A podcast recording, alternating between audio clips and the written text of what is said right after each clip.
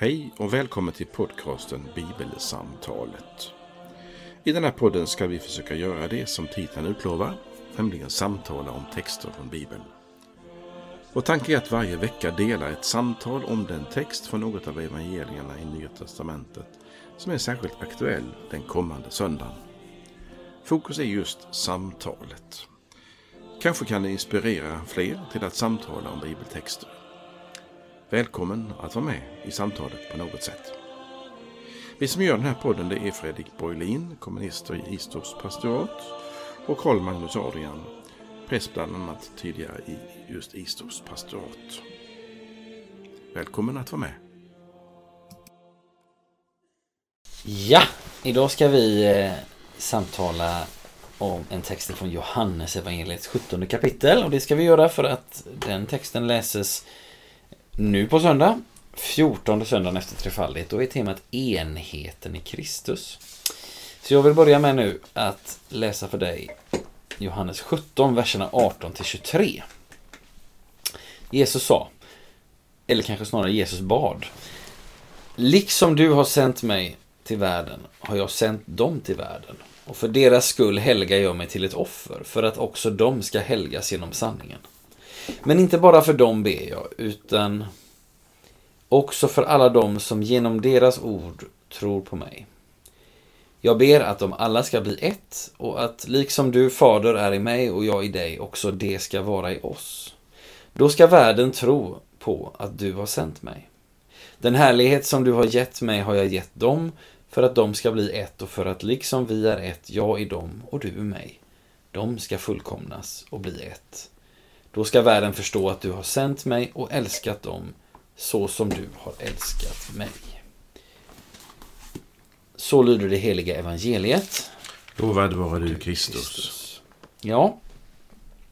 Så vi kommit två tredjedelar genom trefaldighetstiden ungefär och så är vi framme vid det som ibland kallas då för enhetens söndag. Det är grejen. Eh, om man nu tänker på temat.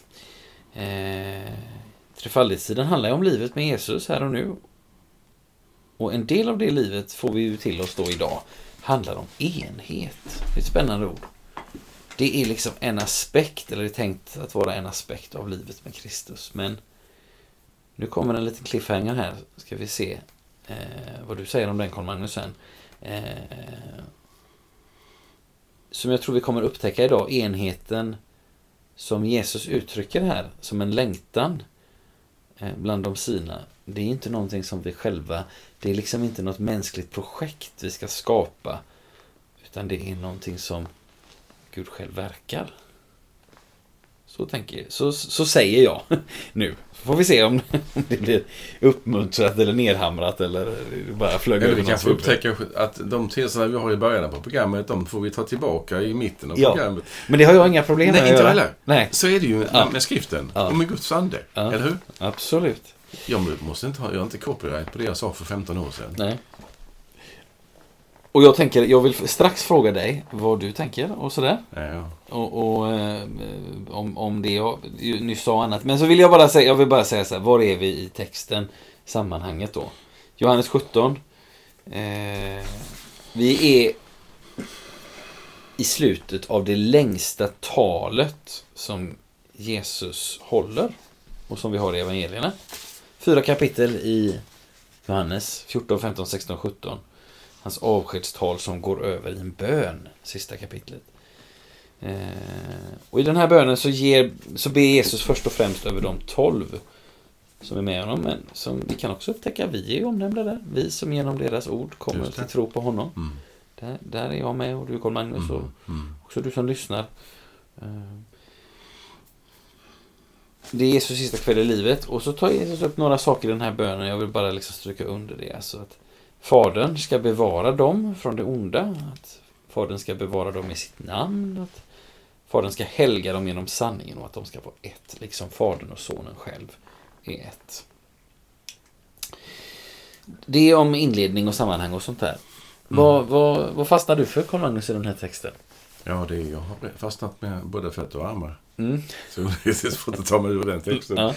Men eh, eh, det är kul att se sammanhanget för det, det här är Johannes har ju samlat lite texter i det vi i avskedstalssammanhanget från Mm. kapitel 13 på slutet och 14, 15, 16 och 17 egentligen. Ja, det, är framförallt 14.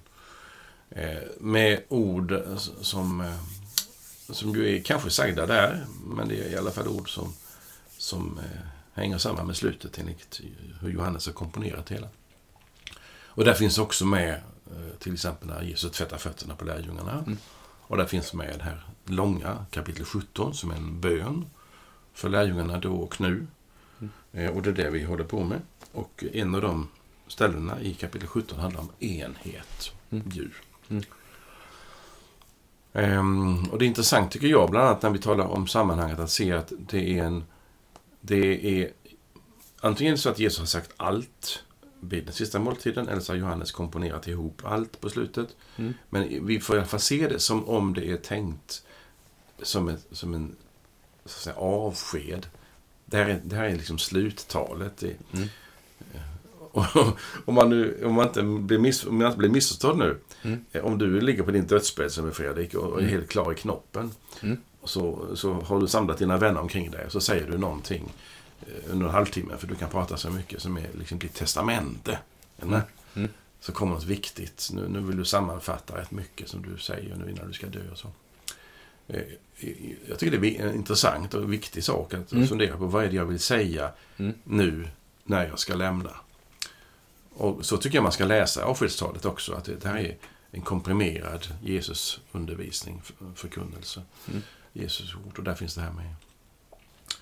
Eh, Men, men det, det är inte där jag har fastnat mest. Men det är, tycker jag är intressant att Mm. se i sammanhanget.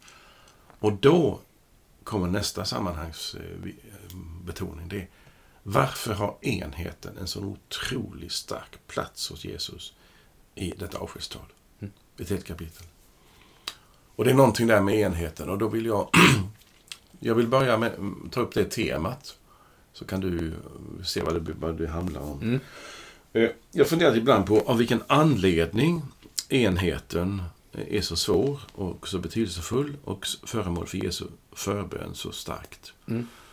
Och då hittar jag ett ställe hos Jesaja 55 som jag tror, det finns många exempel på detta, Mm. eh, där det står att vi gick alla vilse som får, var och en ville vandra sin egen väg. Mm. Det tycker jag är en bra liksom, entré, entré eller vad Mm. säger man? Mm. Det är en bra ehm, Ingång. ingång, tack, Mm. i det här med varför sen splittringen och, och oenigheten har sitt plats. Mm. Därför att det har egentligen, som vi har sagt ofta, eh, teologiskt sett så, så har ju syndafallsberättelsen i kapitel 1-3 första Moseboken en väldigt stark förkunnelse. Mm. Att där finns ingen enhet längre. Mm. Utan det är, det är två individer, Adam och Eva, som verkligen är särade från varandra. Och de är dessutom särade från marken och jorden. Mm. De är särade från Gud själv. Mm. Alltså det är en enorm splittring eh, som ju är, före, som är en del av det vi kallar för synden eller för det, för det perversa tillståndet som Mm. råder. Och mot det står det gudomliga ordningen som är ordning, enhet, gemenskap. Mm. Alltså mot splittringen står tre, treenigheten, Fader, Son och Ande. Denna, Mm. denna som vi tecknar som en triangel. Denna enhet i, i Gud. Gud är en och tre personer. Och så skapas människan till Guds avbild som ett avbild av denna enhet och direkt så splittras den. Och då är, då är förutsättningarna här. Vi är splittrade, var och en vill göra på sitt eget sätt. Och så kommer Jesu förbön som en, ja, tycker du det är dumt att säga som en smocka? Mm. Det är liksom som en, som en chock. Ja, så ska vi inte ha det så här som vi Mm. har det? Nej, det är inte tänkt. Och när han då talar om detta till lärjungarna så är det uppenbarligen så att han avser väl, nu säger jag väl, Mm. att i kyrkan är det inte som det är i denna världens sätt att räkna. Mm. Alltså i den kyrkliga gemenskapen, den kristna gemenskapen, så är det tänkt på ett annat sätt. Mm. Och det, det är det han talar om och det är det han ber om. Och det är det som är så, ska vi säga, så provocerande. Mm. Därför att det är väl Lukas som har, ihop med den sista måltiden, så har ju Lukas eh, te- texten om att direkt efter nattvardens instiftande så börjar Jakob och Johannes kiva om vem som är störst. Mm. alltså storhetsfrågan och vem som är viktigast och bäst, Mm. den har direkt sin plats mitt i avskedstalet Mm. och mitt i bönen om enhet och mitt i nattvarden. Mm. Det vill säga en kristen människa, den kristna kyrkan, kan hålla alltid på med att bråka. Mm. Vem som är bäst och störst. Eh, Och det här menar jag inte att jag har för starka ord. och Jag skulle egentligen ha ännu starkare ord för det. Mm. Eh, Och då vill jag sluta den här lilla monologen. Mm. Se vad du, du griper tag i sen. Mm. Med, ja, vi kan, jag kan vänta lite grann med min tes och säga. Tror du att det här med splittringen är en, en lämplig ingång till detta? Att förstå kontrasten mellan Jesu förbön om enhet och hur det har blivit syndafallet och Jesaja-stället. Vi gick vilse som får, Mm. var och en ville vandra sin egen väg.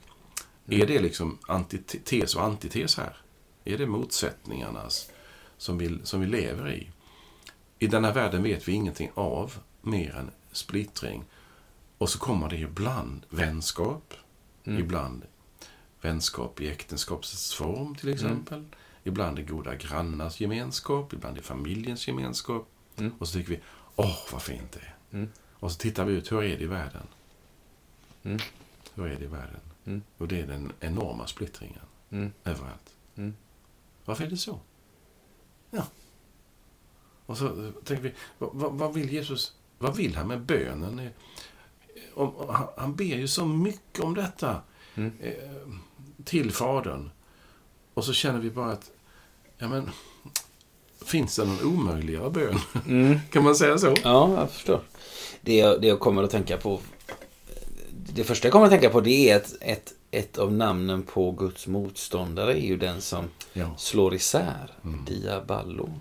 Alltså att splittrare. Alltså att eh, alltså det är så att säga en, en kraft som Guds motståndare utövar. Eller det är en vilja som ligger i, det så att säga. Eller den. Eh, och eftersom det är någonting som Guds motståndare ägnar sig åt så kan vi vara helt säkra på att det är någonting som Gud inte vill. Ja.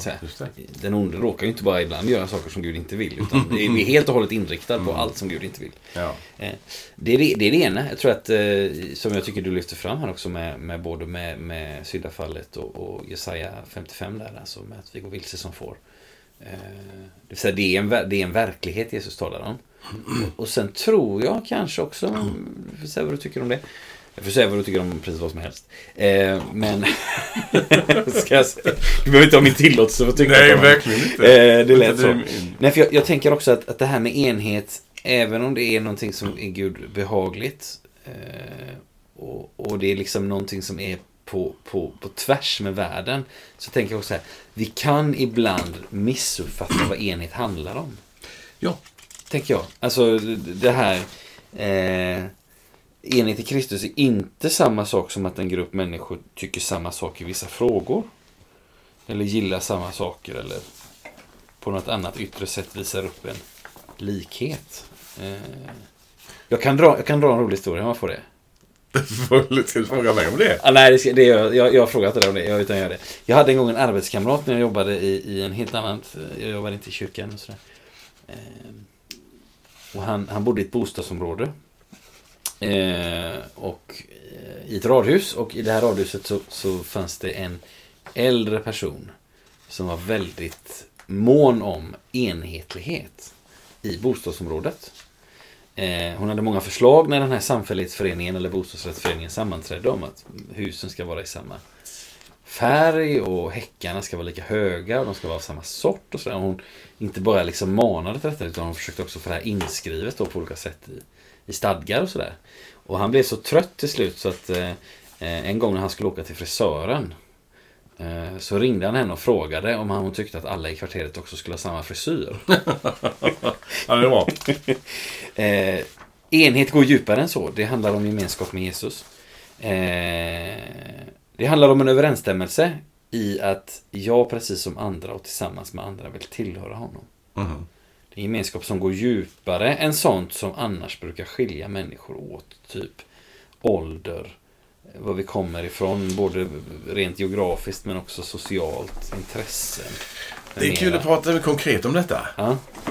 Eh, alltså det vill säga, ibland så, jag menar, vi, vi kan ju behöva bli liksom överens ibland och, och, och, och sådär, men enhet är någonting annat. Och jag är glad att du tog upp exemplet med, med, med liksom vänskap och eh, både äktenskap, familj, vänner, grannar så för att jag kan tycka att enhet, det har att göra med Alltså oväntad gemenskap. Alltså det här att vänta nu Fredrik som är 36 och Maj-Britt som är 87.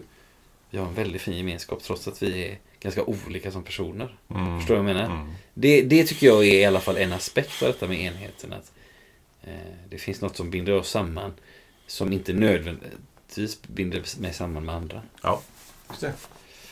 Jag har smakat på en, en kort definition som jag... Mm. Eh, den är inte eh, definitiv, absolut, men Ja. den har betytt en del för mig.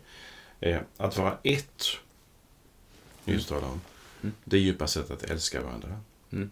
Att vara överens, det är att ha samma uppfattning. Mm. Eh, och det vore kul om, om vi kunde mm, också konkret tänka nu, det handlar om kyrkan och lärjungaskapet, Mm. men också granngemenskapen. Mm. Att, att vara överens, eh, det är svårt. Mm. Att vara ett för att man älskar varandra. Eh, och jag ska göra ett försök. Jag tycker det här är ganska svårt att hitta bra exempel på. Mm. Mm. Så att eh, du får gärna eh, hjälpa mig när du, säger, när du tycker att jag eh, liksom går ut åt fel håll. Ah, aha. Men om man säger så här. Om jag tycker om en person. Vi kan neutralisera det och säga att, det, att han heter Nisse. Mm. Eh, jag har en parentes, ingen kompis som heter Nisse. Nej, nej. Och så, jag tycker om honom, jag har tyckt om honom i många, många år. Sådär. Mm. Lätt att prata med honom, trivsamt och så. Och, ehm, så när han ringer någon gång ibland och så, vi tar liksom upp tråden direkt. Så. Mm. Mm. Det är lätt. Och så upptäcker jag att han, eh, han har ett förflutet som KFML-lärare på 60-talet och var till och med en militaristisk eh, stalinist och så. Mm. Mm. Och det har inte gått ur. Rändan har inte gått ur än. Han märker ibland att de kommer tillbaka till här konstiga, märkliga. Han tar inte avstånd från Stalin på 30-talet. Tänker, vad konstig typ han är och så. Va? Det är påfrestningar Ja. i en vänskap. Ja. Men på något vis tycker vi om varandra. Mm. Och då är, då är min liksom utmanande fråga så här. Kan man ha vänner som man inte är överens om därför man tycker om varandra? Mm. Eh, Och djupast sett handlar det om, kan jag vara vän med Gud? Mm. Med Jesus som min frälsare? Och upptäcka att, men jag vill inte alltid det Gud vill. Mm. Alltså finns kärleken där mitt i en icke-överensstämmelse med, med uppfattningar? Mm. Det är min ena eh, eh, spaning, kan man nästan kalla det för. för jag tycker Mm. det är ganska svårt att fundera på. Därför att när vi sen kommer fram till att vara ett med varandra för att man älskar varandra. Se hur de älskar varandra, det är ju ett senare tillägg. Det är det hos Tertullianus det finns. Det kanske det Som är. ett, ja, det spelar ingen roll. Men, men grejen här i Johannes 17 det är att, att när världen ser att vi är ett så finns det två stycken frukter av det, säger Jesus i texten idag. Jag ska strax sluta så kan du hoppa in. Ja. Ehm, då ska världen tro. Alltså när världen ser att vi är ett så ska den tro. Och för det andra så ska den förstå att eh, Fadern älskar dem. Mm. Lika mycket som älskar Sonen. Mm. Alltså genom den kristna enheten så kommer världen att kunna tro och förstå att den är älskad. Mm. Det är kraftfullt. Alltså någonting gestaltas i en gemenskap mellan människor som inte är överens. Mm. Och då tror jag att en del av mina kristna systrar och bröder skulle säga, ja ah, men se, nu rör du verkligen till det. Därför jag kan ju inte vara överens med en katolik i synen på nattvarden.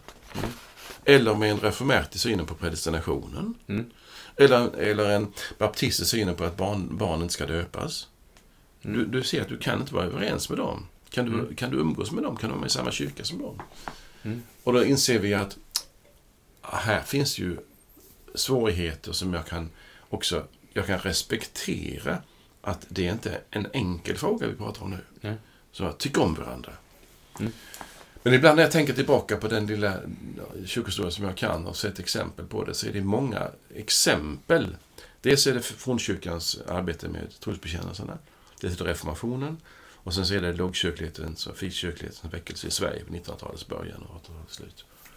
Och där inser man ju att det är ju väldigt mycket personliga motsättningar. Mm. Det är väldigt mycket.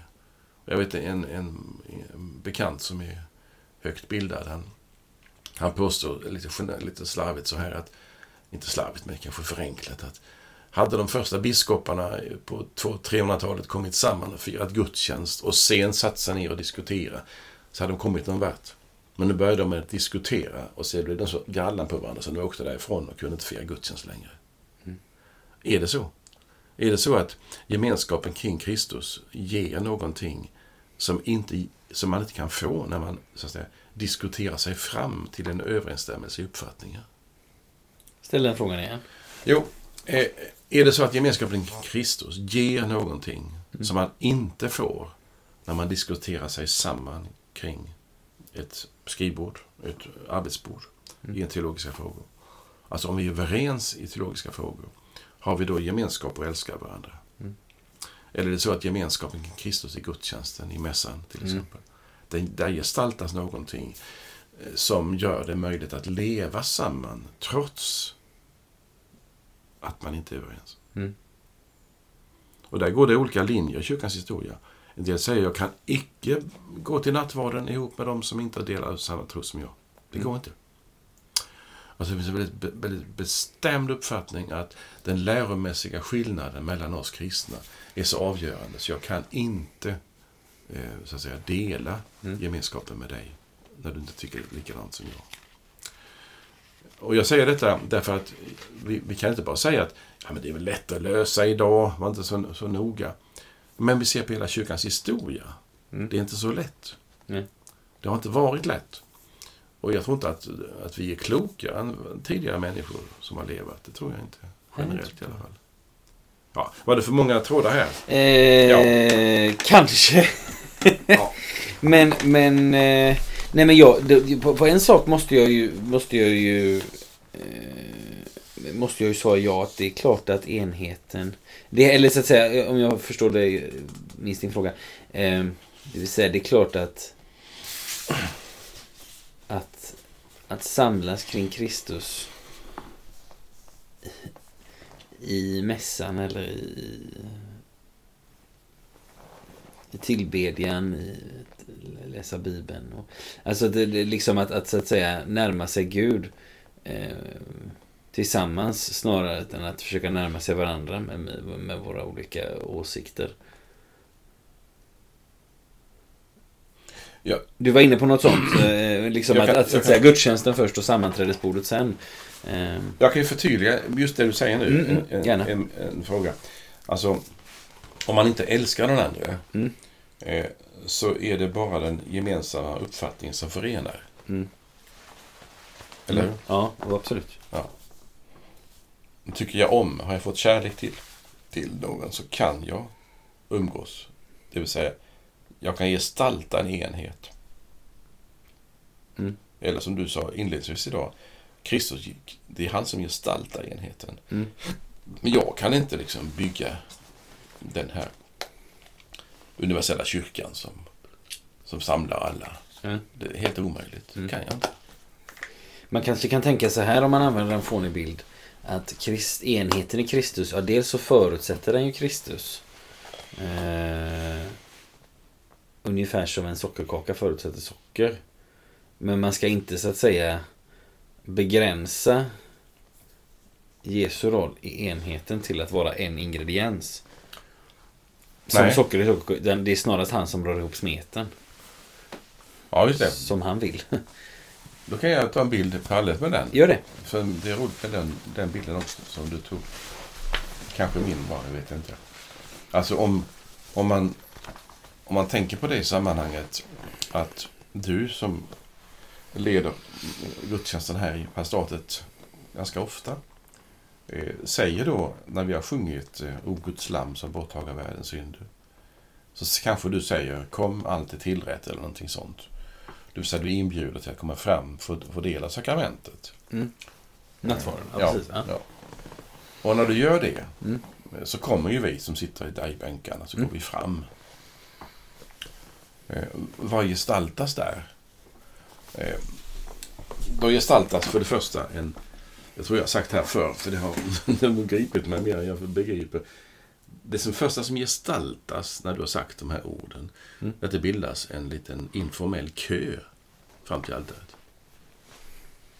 Och ska jag citera någon, vem det nu var som sa det. Det är den enda kön där man inte vill tränga sig före. Mm. Utan det är, en, det är en riktning. Mm. Alltså vi är på väg framåt altaret. Mm. I bästa fall kanske någon som sjunger någon lovsång, Mm. någon psalm och sådär. Så går, går vi sakta framåt. Vi står där så tar vi bit för bit och bit. Det som gestaltas där, det tror jag är kyrkan. Mm.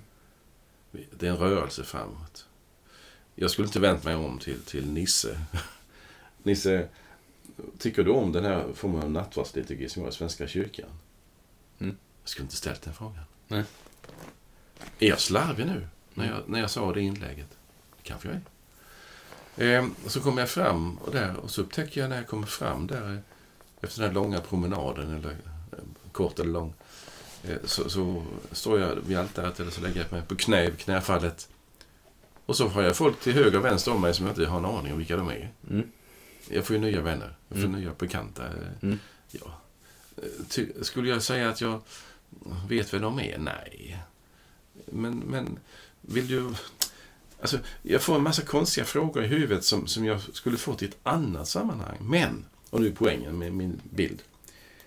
Den som står vid altaret, det är i det här fallet du som, en, som tjänare. Men du är, du är kyparen. Mm. Men bakom dig finns den osynliga kocken. Mm. Så, så som har gjort färdigt måltiden, maten. Mm. Och du säger bara Hallå, nu är det klart. Mm. Och så kommer vi. Mm. Du, är inte, du är inte Kristus. Nej. Du kan representera honom på ett vis. Mm. Men, men, men det, det är Kristus som drar oss till sig, som en Mm. magnet drar till sig järnfilspån och så. Mm.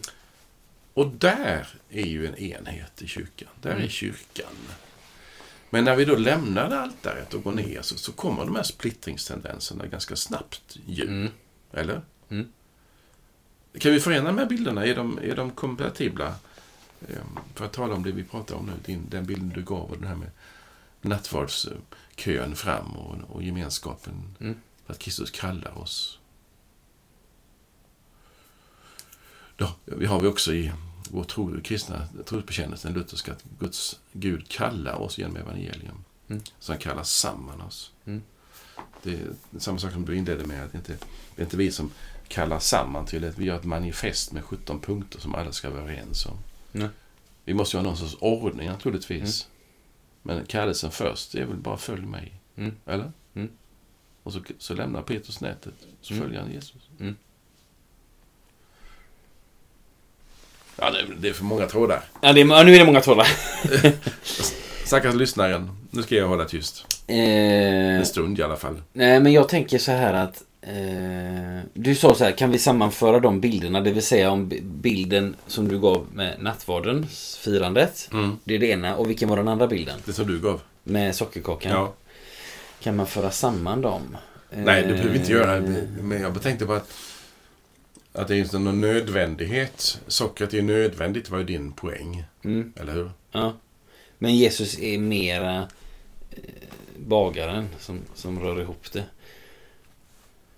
Alltså Ja. han, han är på ett sätt sockret, sockerkakan. Han är också den som rör, rör samman smeten. Det vill säga för att det ska bli sockerkaka kan det inte bara vara ägg och socker i en bunke eh, och mjöl och vad det nu är i sockerkaka. Utan det måste också vispas samman. Annars blir det en väldigt oätlig kaka om man häller det i formen. I olika lager liksom. Ja, jag, kan ju jag kan göra ett försök eh, Ja. och se om det, om det är det du säger. Att, Mm. att om man tänker bort Kristus som kallar oss i nattvarden, för att ta min bild. Ja. Eh, Utan vi ska gå fram till altaret för att gestalta en, en mänsklig gemenskap. Mm. Då kan man säga, ja, för det första, jag vet inte om jag tycker om den lovsången som vi sjunger idag. Ja. Jag vill ha en annan istället. Ja. Och varför ska det vara en sån präst som står framför altaret? Ja. Och jag tycker att knäfallet, de, de är så hårda i den här kyrkan så det är inte sant. Ja. Jag tänker stå upp i protest. Mm. Det är det mänskliga sättet att tackla det hela. Men om nu Jesus säger, Kom till mig. Då får det väl vara den sången. Så var det knäfallet. Ja. Var den prästen. Eller? Ja. Jo, men det är väldigt sant. Det är väldigt sant. Eh, Det håller jag med om. Det vill säga, det. Och då är ju din sockerbild bra. Mm, kanske. Utan sockret är det ingenting. Nej. Och utan att det rörs ihop och, och bakas ugnen är det ingenting heller. Nej, och utan Jesus där framme så är det ingenting. Ja. Det går inte att skapa mänsklig gemenskap som, på det sättet som han antyder. Mm. Det finns ju inte. Nej.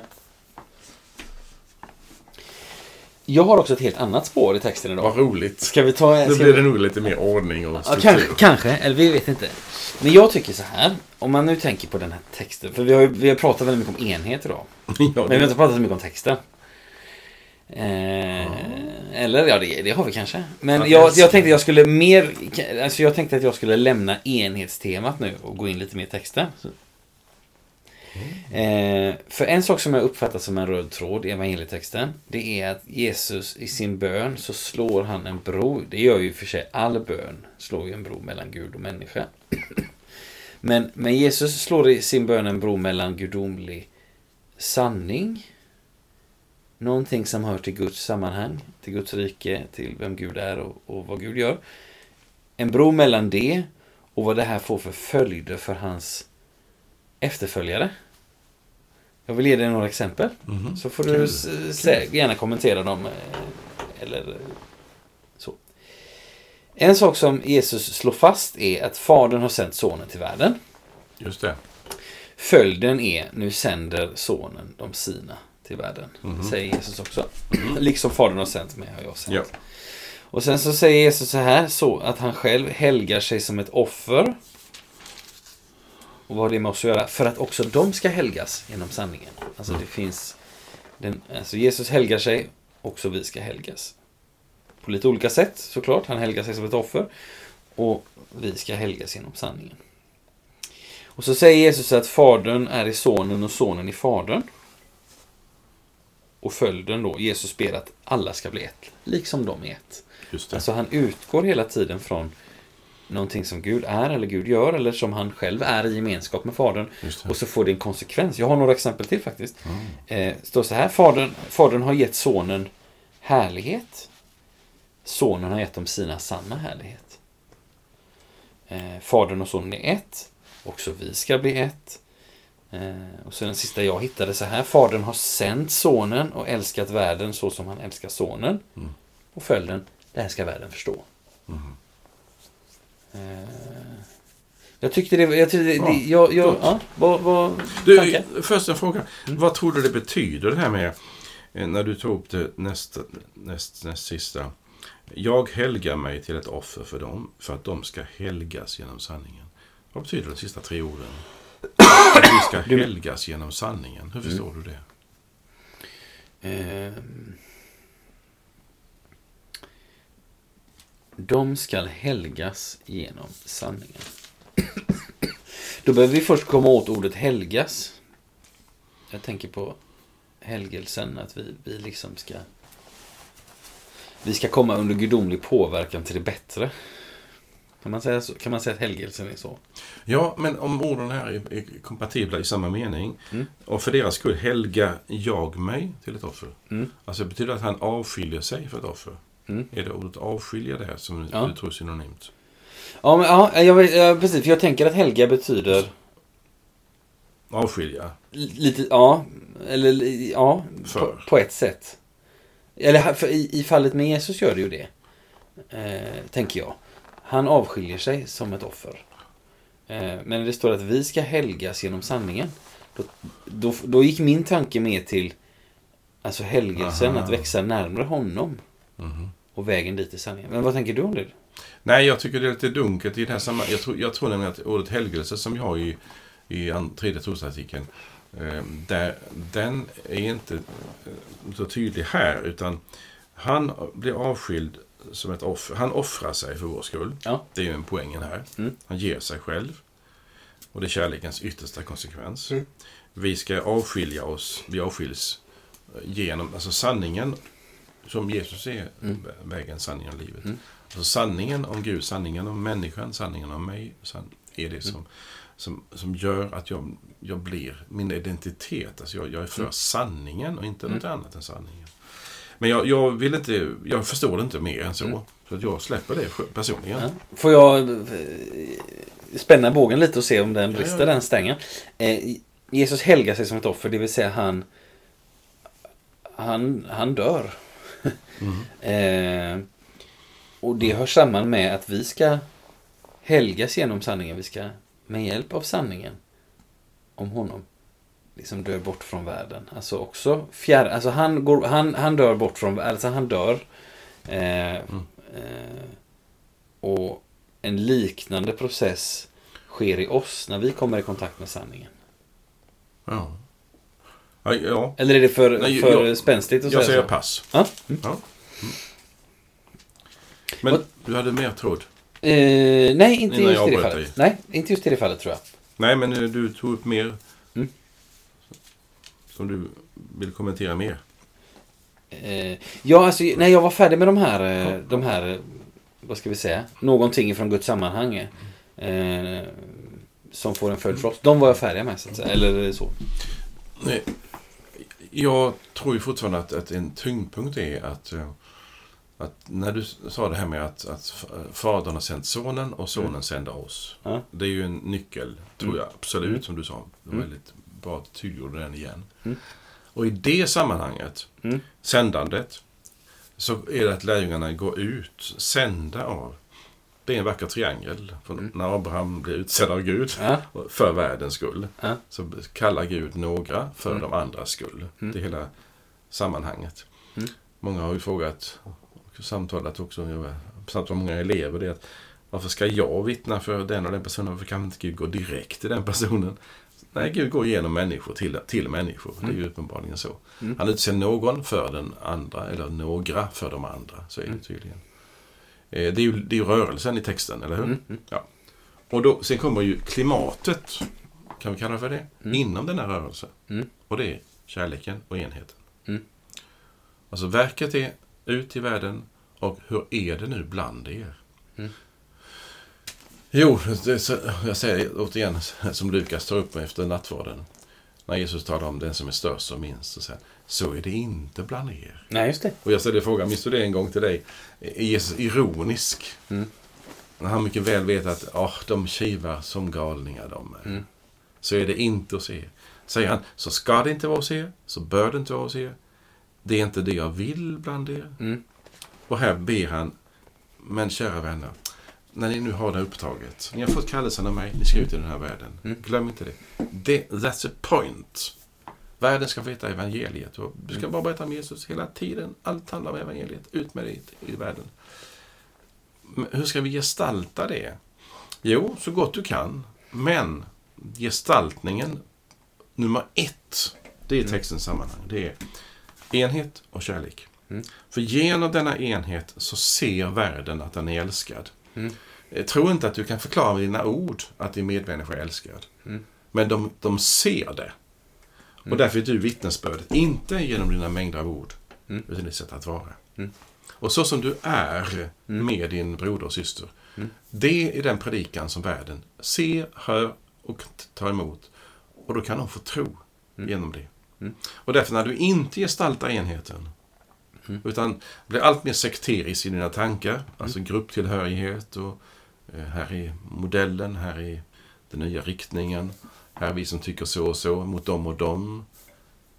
Nej, det går inte. När vi lever i en kyrka som är så otroligt bred och kan man säga Ibland tycker vi att den är för bred ju, i våra Mm. sammanhang. Det finns ju allt i den svenska kyrkan. Och, Mm. och tittar på kyrkorna i hela världen så är det ju en mängd saker som finns. Mm. Som inte gör en glad alltid. Mm. Och då är, vad, är, vad är det allt detta som vi ska göra?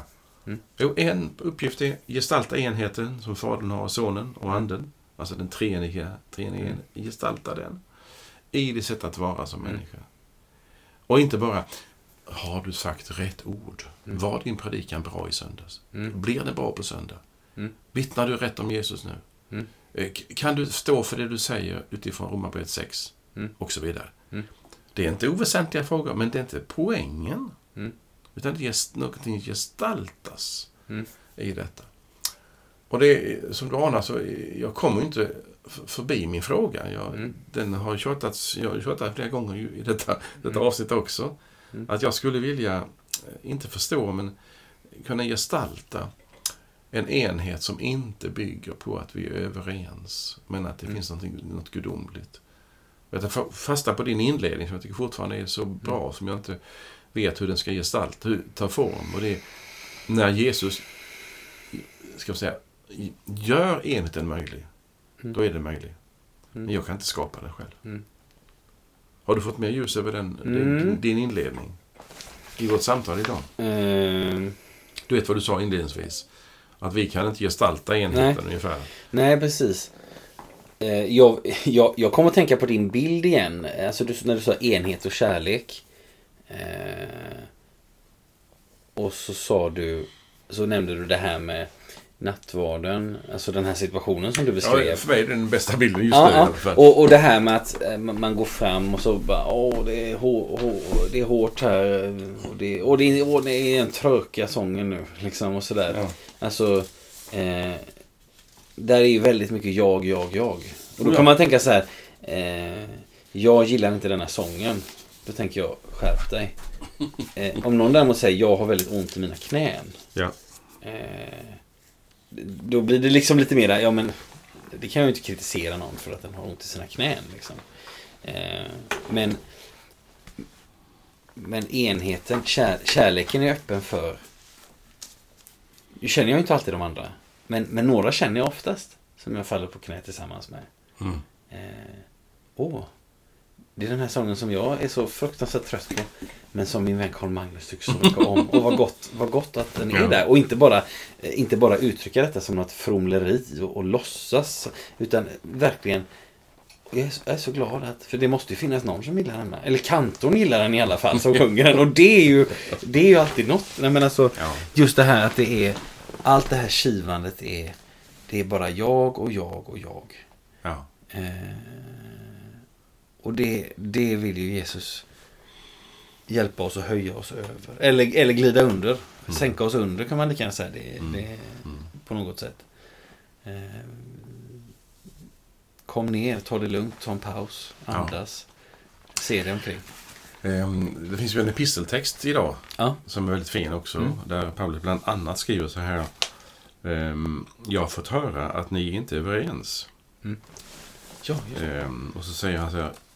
Ni säger, jag hör till Paulus, eller jag hör till Apollos, eller jag hör till Ke- Kefas, eller jag hör till Kristus. Och så säger han, har Kristus blivit delad? Var det kanske Paulus som korsfästes för er? Mm. Eller var det i Pauli namn som ni döptes? Mm. Du kan gissa vad jag kommer att tänka på eftersom jag håller på en del med Luther. Ska Mm. åka dit nästa vecka. Mm. Luther säger på sin dödsbädd, kallar jag inte lutheraner eller lutherska. Det är inte jag som har dött för er. Mm. Och så tar det inte många år förrän det är en kyrka som kallar sig luthersk. Eh, Och nu vet vi att eh, kyrkohistoriska splittringar eh, kan, man, kan inte CM lösa på två sekunder. Aldrig lösa. Nej. Jag citerar dig igen. Vi kan inte skapa Mm. det där. Men vi kan se någonting och bli, bli upptagna av Mm. någonting. Och jag menar, när man ska för, förbinda detta med de konkreta sakerna som finns i vår historia. Mm. Då tänker jag, vad är det som, är, som har hjälpt till exempel mig med, med Luther som ju är ganska knepig ibland tycker jag. Jo, det är att han såg någonting, fick någonting. Mm. Jag kallar det gärna för ett möte med Kristus. Mm. Det fick han. Mm. Han, blev, han, blev, han blev tänd på evangeliet. Mm. Och det rensades bort en del saker så klart lyste för honom. Nåden och evangeliet, Mm. skriften. Och den upptäckten, det bar och det bär. När sen den upptäckten ska gestaltas i en yttre organisation Mm. så kommer någonting annat att hända. Och det är kanske då som partierna och splittringen tar sin form. Mm. Men när man är glad över Jesus, Mm. över evangeliet och nåden, då är det inte så intressant med, med tillhörigheterna. Med, med grupptillhörigheterna. Mm. Jag har firat gudstjänst eh, i glädje med katoliker där jag nästan fick gråta över att jag inte fick gå fram till nattvard tillsammans med dem. Ja. För det fanns vi, psalmerna vi sjöng, bekännelsen vi, vi bekände tillsammans, predikan som vi hörde. var ett Kristusbudskap rakt igenom. Och sen nattvardsbordet, i princip i alla fall, stängt för mig som icke-katolik. Eh, Då kan man inte mer än gråta. Nej.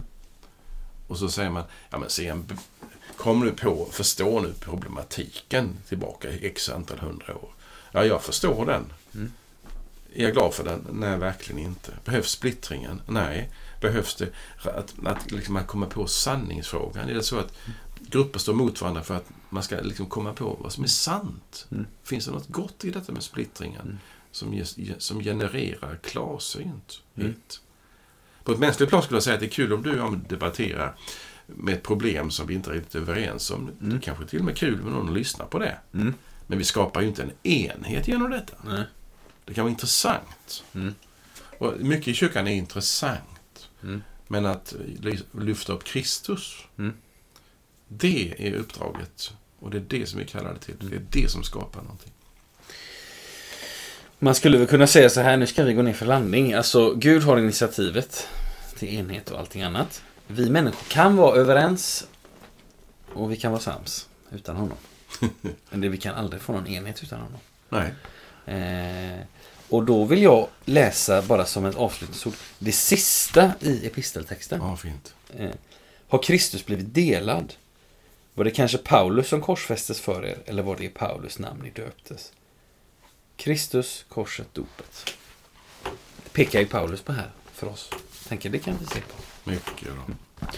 Eh, till dig som har lyssnat, jag hoppas inte att du har trasslat in dig alla trådar idag. Hoppas att du är frimodig att tala vidare och fundera vidare och läsa vidare. Eh, fint att du har varit med oss. Tills vi hörs igen så önskar vi dig allt gott och Guds välsignelse. Hej då! Hej då.